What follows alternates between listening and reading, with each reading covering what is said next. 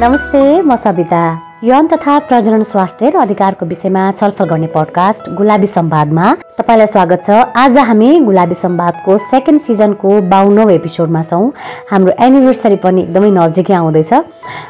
आजको एपिसोडमा चाहिँ हामीले घरमै सुत्केरी हुँदाखेरि के कस्तो स्वास्थ्य समस्याहरू पर्छ महिलाको प्रजनन स्वास्थ्यमा त्यसले कस्तो खालको असर गर्छ अथवा हुन्छ नि सुत्केरी हुँदै गर्दाखेरि धेरै रक्तस्राव हुने लगायतको विभिन्न समस्याहरू धेरै महिलाले भोगिरहनु भएको हुन्छ त्यसले दीर्घकालीन रूपमा कस्तो खालको असर गर्छ भन्ने विषयमा कुरा गर्दैछौँ।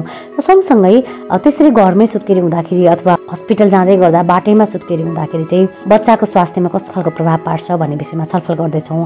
र आजको छलफलमा चाहिँ करुणा छैन म एक्लै छु।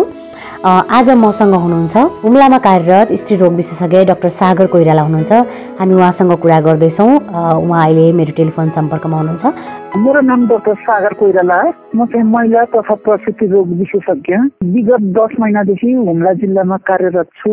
हुम्ला स्वास्थ्य कार्यालय अन्तर्गत हुम्ला जिल्ला अस्पताल पर्दछ। त्यहाँ अब देशको दूर दराजमा बसेर यसरी अनएजुकेटेड मानिसहरूको सेवा गर्न पाउँदा म धेरै नै खुसी महसुस गरिरहेको छु।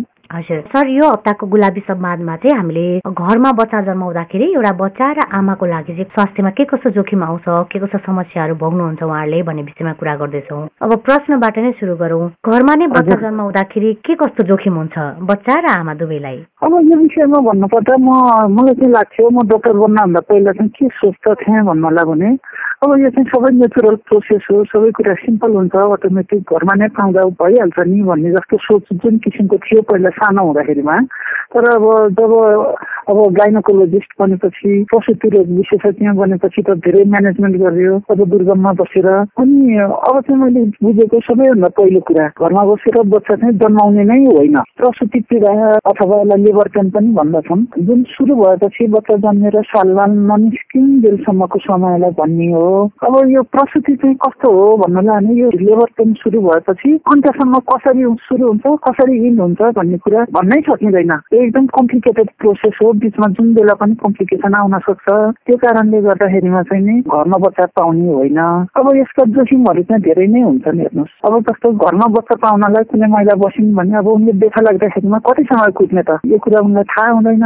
बर घरमा बच्चा जन्माउँदाखेरिमा अब बच्चाको मुटुको धड्कन तलमाथि छ कि बच्चाको मुटुको धड्कन धेरै भएको छ कि कम छ कि अथवा आमाको ब्लड प्रेसर कस्तो छ? यस्ता कुराहरू थाहा हुँदैनन्। अनि त्यसपछि आएर कहिले काहीँ के हुन्छ भन्नुलाई भने बच्चा समाउने जन्मने एउटा मिति हुन्छ। अब कहिले काहीँ बच्चा त्यो समयभन्दा अगाडि नै जन्मिन सक्छ। त्यसलाई चाहिँ फ्रिटम डेलिभरी भनिन्छ भने कहिले काहीँ डेट धेरै नागेर त्यो चाहिँ पोस्ट डेट हुन्छ है पोस्ट डेटेड डेलिभरी हुन्छ। अब जस्तो फ्रिटम डेलिभरी हुँदाखेरिमा बच्चालाई गाह्रो हुन्छ। घरमा मेडिकल टिमको सहयोग हुँदैन। त्यो कारणले गर्दाखेरिमा एकदमै गाह्रो हुन्छ। अनि अब जस्तो अर्को कुरा भन्न पर्दा बच्चा कहिले काहीँ उल्टो सुल्टो तेर्सो हुने हुन्छ। कहिले काहीँ बच्चा जन्मिने बेलामा बच्चाभन्दा पहिला खुट्टा निस्किने अथवा जन्मने हुन्छ त्यो भयो भने त्यो कम्प्लिकेटेड हो। त्यस्तो समयमा बच्चा जन्मन सक्दैन त्यो बिचमा हुने कम्प्लिकेसन हुन्। त्यस्तै अनि कहिले कहिले अब जस्तो बच्चा जन्मिसक्छ बच्चा जन्मिसकेपछि साल अड्किदिन्छ क्या साल जन्मिँदैन। एउटा कुरा त्यस्तो पनि हुन्छ भने कहिले काहीँ अब बच्चा जन्मिसकेपछि हजुरको पाठेघरको मुख च्यातिने हुन्छ। यसलाई चाहिँ हामी चाहिँ सर्भाइकल टियर भन्छौँ। यदि के हुन्छ भन्नुलाई भने बच्चा जन्मिएपछि पाठेघरको मुख च्यातियो भने एकदम एक्सेसिभ ब्लिडिङ हुन्छ। जुन चाहिँ कन्ट्रोलै हुँदैन एकदम फास्ट एकदम हेभी ब्लिडिङ हुने भएको कारणले गर्दाखेरिमा बिरामीलाई हो रगत बग्यो भनेर कहिले काहीँ चाहिँ हस्पिटलै पुग्न नभ्याउन पनि सक्छ। बिचबाटमै बिरामीको ज्यान पनि जान सक्छ। अनि अर्को मेन कुरा भनेको चाहिँ बच्चा जन्मिसकेपछि सालनाल जन्मिएपछि कहिले काहीँ पाठेघर जुन खुम्चेर पुरानो अवस्थामा सास त्यो बच्चा भएको बेला त पाठेघर ठुलो हुन्छ। बच्चा जन्मिसकेपछि त पाठेघर खुम्चेर जुन सानो हुन पर्ने हुन्छ घटेर आफ्नो पुरानो साइजमा फर्किन पर्ने हुन्छ कहिले काहीँ त्यस्तो भइदिँदैन। पाठेघर ठुलोको ठुलो भइरहेको छ खुम्चिँदैन भनेको चाहिँ यसलाई चाहिँ युटेरसमा टोना आएन भने त्यस्तो हुन्छ। यो चाहिँ एकदम मोस्ट कमन प्रब्लम हो। यदि त्यस्तो भएको खण्डमा अत्याधिक रक्तस्राव हुन जान्छ। यो चाहिँ एकदमै मोस्ट कमन कम्प्लिकेसन हो। त्यस्तो घरमा भइदिइहाल्यो भने के गर्ने त? त्यसको त कुनै अप्सन छैन। त्यसै गरिकन अब कहिले काहीँ बच्चाको घरमा सालनाल काट्दाखेरिमा कहिले काहीँ अब नाभीमा इन्फेक्सन पनि भइदिन सक्छ। भर्खर जन्मेको बच्चा छ इन्फेक्सन भयो भने त बच्चा तुरन्त सेप्सिसमा जान्छ। सेप्सिसमा गयो भने नवजात शिशुको ज्यान पनि जान्छ हेर्नुहोस् तुरुन्तै। अनि कहिले कहिले अब डेलिभरी भयो। डेलिभरी भएपछि बच्चा रोएन। बच्चा रोएन भने अब घरमा त कसैले पनि केही गर्न जान्दैनन्। यदि हस्पिटलमा भयो भने त मेडिकल टिम हुन्छन् हेल्प हुन्छ बच्चालाई अलिकति बचाउन सक्ने सम्भावना धेरै हुन्छ। त्यसैले यो सबै कुरालाई भन्नु पर्दाखेरिमा कहिले पनि हेलचक्राइ गरेर घरमा बस्ने बच्चा जन्माउँछु भनेर बस्ने त्यस्तो काम गर्न हुँदैन। हजुर। डाक्टर साहब एउटा गर्भवती महिलाले चाहिँ कहिलेदेखि स्वास्थ्य कर्मीको निगरानीमा बस्नुपर्ने हुन्छ?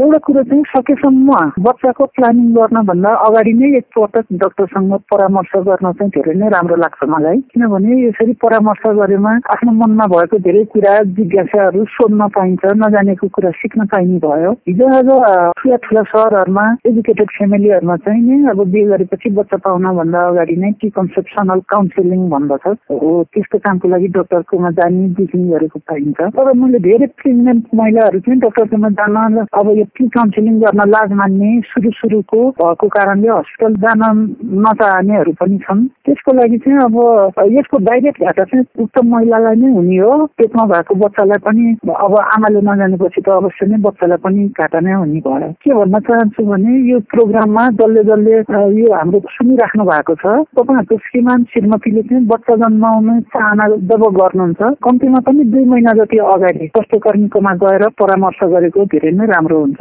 यदि यसो गर्न सक्नुहुन्न भने पनि कम्तीमा पनि महिनावरी रोकिएको थाहा पाउने बित्तिकै अस्पताल गएको धेरै नै राम्रो हो। हजुर। जस्तो घरमा नै बच्चा जन्माउँदाखेरि वा जोखिमयुक्त तरिकाले बच्चा जन्माउँदा त्यसले महिलाको स्वास्थ्यमा के कस्तो दीर्घकालीन र अल्पकालीन असर गर्छ होला? मैले अघि नै भने जस्तै अब घरमा बच्चा जन्माउँदा जोखिमयुक्त तरिकाले बच्चा जन्माउँदाखेरिमा धेरै कुरा फरक पर्छ।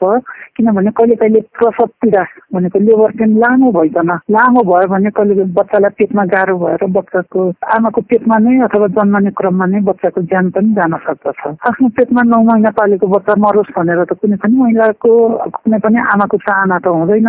अनि बच्चा जन्मने क्रममा कहिले काहीँ के हुन्छ भन्नलाई भनेदेखि त्यो आमाको पेल्भिक बोनहरू कम्मरको भागहरू सानो भयो भने बच्चाहरू अड्किन पनि जान्छ। कहिले बच्चाको टाउको पनि ठुलो हुन सक्ने भयो। यदि बच्चाको टाउको अड्कियो जन्मेन भने त देखा लामो लाग्छ। त्यसो हुँदाखेरिमा बच्चाको ज्यान तलमाथि पर्न सक्छ। त्यसै गरी चालनाल अड्कियो भने पाठीघरमा कन्ट्राक्सन आएन भने जुन अहिले मैले भनेको थिएँ बच्चा जन्मिएपछि पाठीघर खुम्चिनु पर्ने हुन्छ। त्यो खुम्चिएन भने अथवा कहिले कहिले बच्चा जन्मिने बेलामा भजैनामा पनि च्यातिन्छ। कि बच्चाको टाउको शरीर निस्किँदाखेरिमा महिलाको भजैना च्यातिङ यो च्यातिने सम्भावना हुन्छ। त्यसै गरी कहिले कहिले पिसाब नली पनि च्यातिन सक्छ। यस्तो अवस्थामा धेरै रगत ब्लिडिङ हुन्छ। अस्पताल पुग्नुभन्दा अगाडि नै गर्भवती महिलालाई धेरै नै गाह्रो हुन्छ।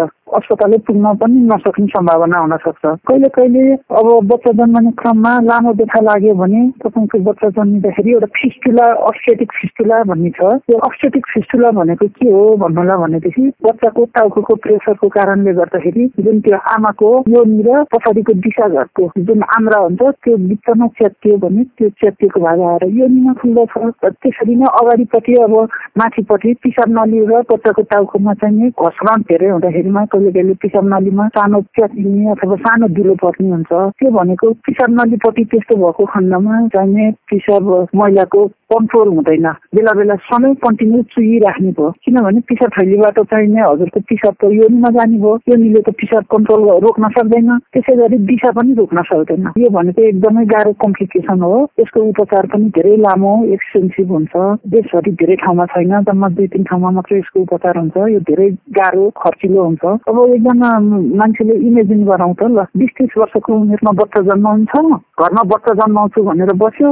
अस्टेटिक फिस्टुला भनेर दिसा पिसा चियो भने के होला? हालत सधैँभरि बनाएर बस्न पर्ने हुन्छ बाँचिन्जेल जिन्दगीभरि। यसले त कस्तो चाहिँ पीडा होला गर्भवती महिलालाई? त्यसै गरी बच्चा जन्माउने क्रममा बच्चालाई लामो व्यथा अथवा अरू कारणले नै गर्दाखेरिमा अक्सिजनको कमी हुन्छ कि? बच्चा जन्मिनलाई गाह्रो भए बेला बच्चालाई अक्सिजनको कमी भयो भनेदेखि त्यसलाई हामी बर्थ एसिक्सिया भनेर भन्छौँ। यो भनेको चाहिँ के हो भने अक्सिजनको मात्रा बच्चालाई पुग्दैन नपुगेपछि दिमागमा ब्रेन टिस्युहरूलाई अक्सिजन नपुगेपछि राम्ररी फङ्सन हुँदैन। त्यसै गरी शरीरभरि न्युरोलोजी सिस्टममा पनि समस्या आउन सक्छ जसलाई न्युरोपाथी पनि भनिन्छ। त्यसले गर्दाखेरिमा त्यो जन्मिने बच्चा चाहिँ होल लाइफभरि नै इन्भ्यालिड हुने इन्भ्यालिडको मतलब फरक फरक खालका हुन्छन्। कसैका हात नचल्ने कसैका खुट्टा नचल्ने कोही चाहिँ बोल्न नसक्ने हिँड्न नसक्ने हुन्छ।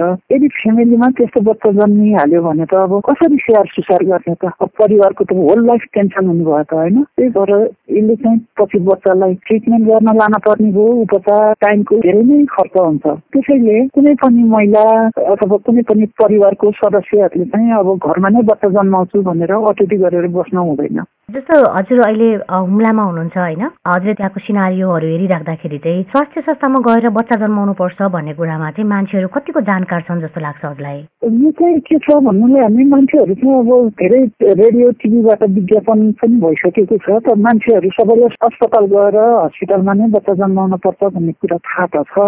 तर यहाँ धेरै कुराहरूले रोल गर्छन्। किनभने अब हरेक परिवारमा सासू ससुराहरू हुन्छन्। सासूहरूले भन्दा होलान् मैले त सबै बच्चा घरमा नै पाइसकेँ सबै त तँलाई किन जान पर्यो भनेर बुहारीलाई अस्पताल जान नदिने। अस्पतालमा गएपछि अब स्वास्थ्य कर्मीहरूले गुप्ताङ्ग देख्नु भए होइन? दिशा थाम पिसा फेर्नु थाम देख्नु भए कति महिलाहरूलाई लाज पनि लाग्छ होला यो विषयमा। होस् त्यो लाजको लागि पनि जाँदिन भन्ने पनि हुन्छन्। त्यसै गरी हाम्रो चाहिँ मुख्य समस्या भनेको चाहिँ भौगोलिक जटिलता नै हो हाम्रो देशको। हुम्ला जिल्लाकै विषयमा भन्नु पर्दाखेरिमा सदरमुकामबाट छेउछेउसम्म अस्पताल आइपुग्न पाँच छ दिनसम्म बाटो हिँड्न पर्ने अवस्था भएको गाउँहरू पनि छन्। अब त्यस्तो गाउँको मान्छेहरू अब त्यो सम्भवै हुँदैन जिल्ला अस्पताल आइपुग्न हेर्नु न अब उनीहरूलाई अब पाँच छ दिन लेबर पेनमा हिँडेर आउन त सकिँदैन। बोकेर ल्याउने मान्छेलाई पनि धेरै गाह्रो छ बाटोहरू कारणले गर्दा कम्प्लिकेसन धेरै छ। हाम्रो देशको स्पेसल्ली समस्या भनेको कर्णाली प्रदेशमा सुदूरपश्चिमका माथि पहाडी जिल्लाहरूमा धेरै नै गाह्रो छ। तर अहिले मुख्य एउटा हाम्रो अब यसलाई खुसीको कुरा नै मानौँ। अहिले चाहिँ अब नेपाल सरकारले पनि के घोषणा गरेको छ भने जुन गर्भवती महिलाले चाहिँ गर्भ परीक्षण जाँच हुन्छ अब एउटा प्रेग्नेन्सीमा आठचोटिसम्म हस्पिटल भिजिट गर्ने अनि स्वास्थ्य कार्यालयमा गएर फेरि बच्चा जन्माउने गरेको खण्डमा चाहिँ जुन पैसा छुट्टै पैसा दिने घोषणा गरेको छ त्यसले गर्दाखेरिमा धेरै मानिसहरूले पैसाको लोभले गर्दा पनि अस्पतालमा बच्चा पाउन आउनेको सङ्ख्या चाहिँ बढ्न थालेको छ। एकदमै राम्रै खुसीको कुरा हो। जस्तो डाक्टर साहब हामीले अब यो घरमै सुत्केरी हुँदाखेरि अथवा जोखिमुक्त तरिकाले बच्चा जन्माउँदाखेरि के कस्तो बेफाइदा हुन्छ अथवा त्यसले लङ टर्मसम्म पनि कस्तो खालको असर गर्छ भन्ने विषयमा कुरा गऱ्यौँ होइन? अब सुरक्षित मातृत्व सेवा प्रदान गर्नको लागि अथवा हुन्छ नि सुरक्षित रूपमा बच्चा जन्माउनको लागि गर्भधारण गर्नको लागि चाहिँ के कस्तो कामहरू गरिनुपर्छ? अनि आम मान्छे र राज्य दुवैको भूमिका चाहिँ के हुन सक्छ होला यसमा? हामी अब यसलाई सुरुमा यसरी बुझाउँ बालबालिका भनेका त देशका कर्णधार हुन् यी भनेका आज हाम्रो जेनेरेसन छ हामी पछिको नेक्स्ट जेनेरेसन भनेको अब आउने बालबालिका हुन् त्यो विषयमा चाहिँ खेलबाड गर्न हामीले पनि हुँदैन सरकारले पनि हुँदैन त्यो भनेको चाहिँ हामीले आज राम्रोसँग इन्भेस्ट गर्न सक्यौँ भने यसको प्रतिफल भोलि राम्रो प्रतिफल हामी आफैले पाउने हो त्यसैले सुरक्षित मातृत्व सेवाको लागि गर्ने भनेको इन्भेस्टमेन्ट नै हो हेर्नु सरकारले लगानी गरेको चाहिँ छ है देशभरि सरकारले सुरक्षित मातृत्वको डेलिभरी गर्भ परीक्षणको लागि भनेर खर्च चाहिँ गरेको छ। तर त्यसको चाहिँ निगरानी चाहिँ राम्रोसँग भएको छैन कि जस्तो लाग्छ मलाई। अब जस्तो सरकारले बजेट चाहिँ पर्नु न अब निगरानी नगरेपछि बजेट कसरी युज भएको छ कि मिसयुज भएको छ कि भन्ने कुराको चाहिँ रेकर्ड छैन क्या धेरै राम्रो। यो कारणले गर्दाखेरिमा चाहिँ यो कम्प्लिकेसन चाहिँ हो। अब बिना निगरानीको लगानीको प्रतिफल कसरी आश गर्ने त्यो पनि गाह्रो कुरा हो। अब राज्यले चाहिँ एकदमै धेरै गर्नुपर्छ हेर्नु। किनभने अब उदाहरणको लागि म हजुरलाई भन्छु हुम्ला जिल्लामा अब बत्ती छैन। बत्ती त बत्तीको पावर आउँछ त्यो हाफ लाइन भन्दा कम आउँछ न बत्ती राम्रोसँग बल्छ। चाहिँ मान्छेले त्यो टिभीहरू देखेका पनि छैनन् यहाँको मान्छे। यहाँको मान्छेहरूलाई तल सडक यातायातको सुविधा छैन। प्लेन चढेर तल नेपालमा सुर्खेत झर्न पर्ने अवस्था छ। प्लेनको टिकटहरू साह्रै नै महँगा छन्। हिमाली जिल्लामा आउने जुन आम मानिसहरू प्लेन चढेर हिँड्नलाई धेरै गाह्रो छ। सक्दैनन् तल गएर आफ्नो ठाउँ छैन उपचार गर्नको लागि भनेपछि चाहिँ नै अब सरकारले यो विषयमा एकदम ध्यानपूर्वक हेर्नुपर्छ लगानी धेरै गर्नुपर्छ। मान्छेहरूलाई एजुकेसन दिनु पर्यो अनि आम मानिसले चाहिँ नै अब के गर्नुपर्छ भनेदेखि अब कुनै एउटा समाजमा एउटा बुझेको व्यक्ति छ भने उसले त आफ्नो समाजमा गएर भन्नु पर्यो। बुझाउनु पर्यो। गर्भवती महिलाले जाँच गर्नुपर्छ अस्पतालमा जानुपर्छ घरमा पत्र जनाउँछु भनेर हाई रिक्समा बस्नु हुँदैन भन्ने कुरा चाहिँ सबैले आफूले जानेको कुराहरू गाउँघरका नबुझेका नपढेका अनएजुकेटेड मानिसहरूलाई बुझाउन आवश्यक छ। हुम्ला जिल्लाको परिप्रेक्ष्यमा चाहिँ यहाँ अझ मानिसहरू धामी झाँक्रीमा नै बढी विश्वास गर्दछन्। अस्पतालमा आएर डक्टरहरूको विश्वास गर्न भन्दा पनि धामी झाँक्री प्रतिको विश्वास चाहिँ धेरै छ। यहाँ अन्धविश्वासीहरू धेरै छन्। त्यसको कारण भनेको अशिक्षा नै हो। त्यही भएर सरकारले आधारभूत चेतना जनताको गरिबी निवारण रोजगारी शिक्षामा चाहिँ राज्यले लगानी गरेको पुगेको चाहिँ देखिँदैन कर्णाली प्रदेशमा। आजको छलफल तपाईँलाई कस्तो लाग्यो? आज हामीले यौन तथा प्रजनन स्वास्थ्य र अधिकारको विषयमा छलफल गर्ने क्रममा घरमा सुत्केरी हुँदाखेरि महिलाको स्वास्थ्यमा कस्तो खालको असर गर्छ त्यसले दीर्घकालीन अवस्थामा कस्तो खालको नकारात्मक असर पार्न सक्छ भन्ने विषयमा कुराकानी गऱ्यौँ। आजको छलफल तपाईँलाई कस्तो लाग्यो? आफूलाई लागेको कुरा हामीलाई हाम्रो email Gulabi Samvad at gmail dot कममा इमेल गर्न सक्नुहुन्छ। त्यस्तै गरी हाम्रा विभिन्न सामाजिक सञ्जालहरूमा फेसबुक ट्विटर टिकटक इन्स्टाग्राम लगायतका सञ्जालहरूमा चाहिँ तपाईँले गुलाबी सम्वाद जियुएलएबिआई एसएएमबिएडी सम्वाद सर्च गरेर हामीलाई आफ्नो कुराहरू लेखेर पठाउन सक्नुहुन्छ।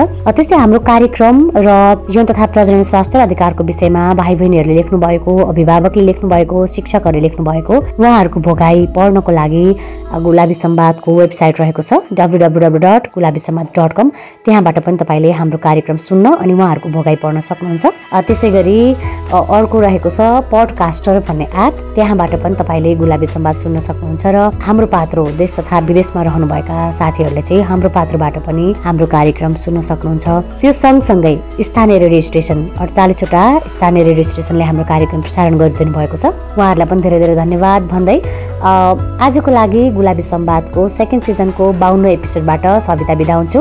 अर्को हप्ता पक्कै पनि एनिभर्सरीको एउटा रमाइलो गफ गर्न करुणा र सविताको भोगाई तपाईँहरूसँग सेयर गर्न हामी दुवैजना आउनेछौँ। नमस्ते बाई बाई फेरि भेटौँला।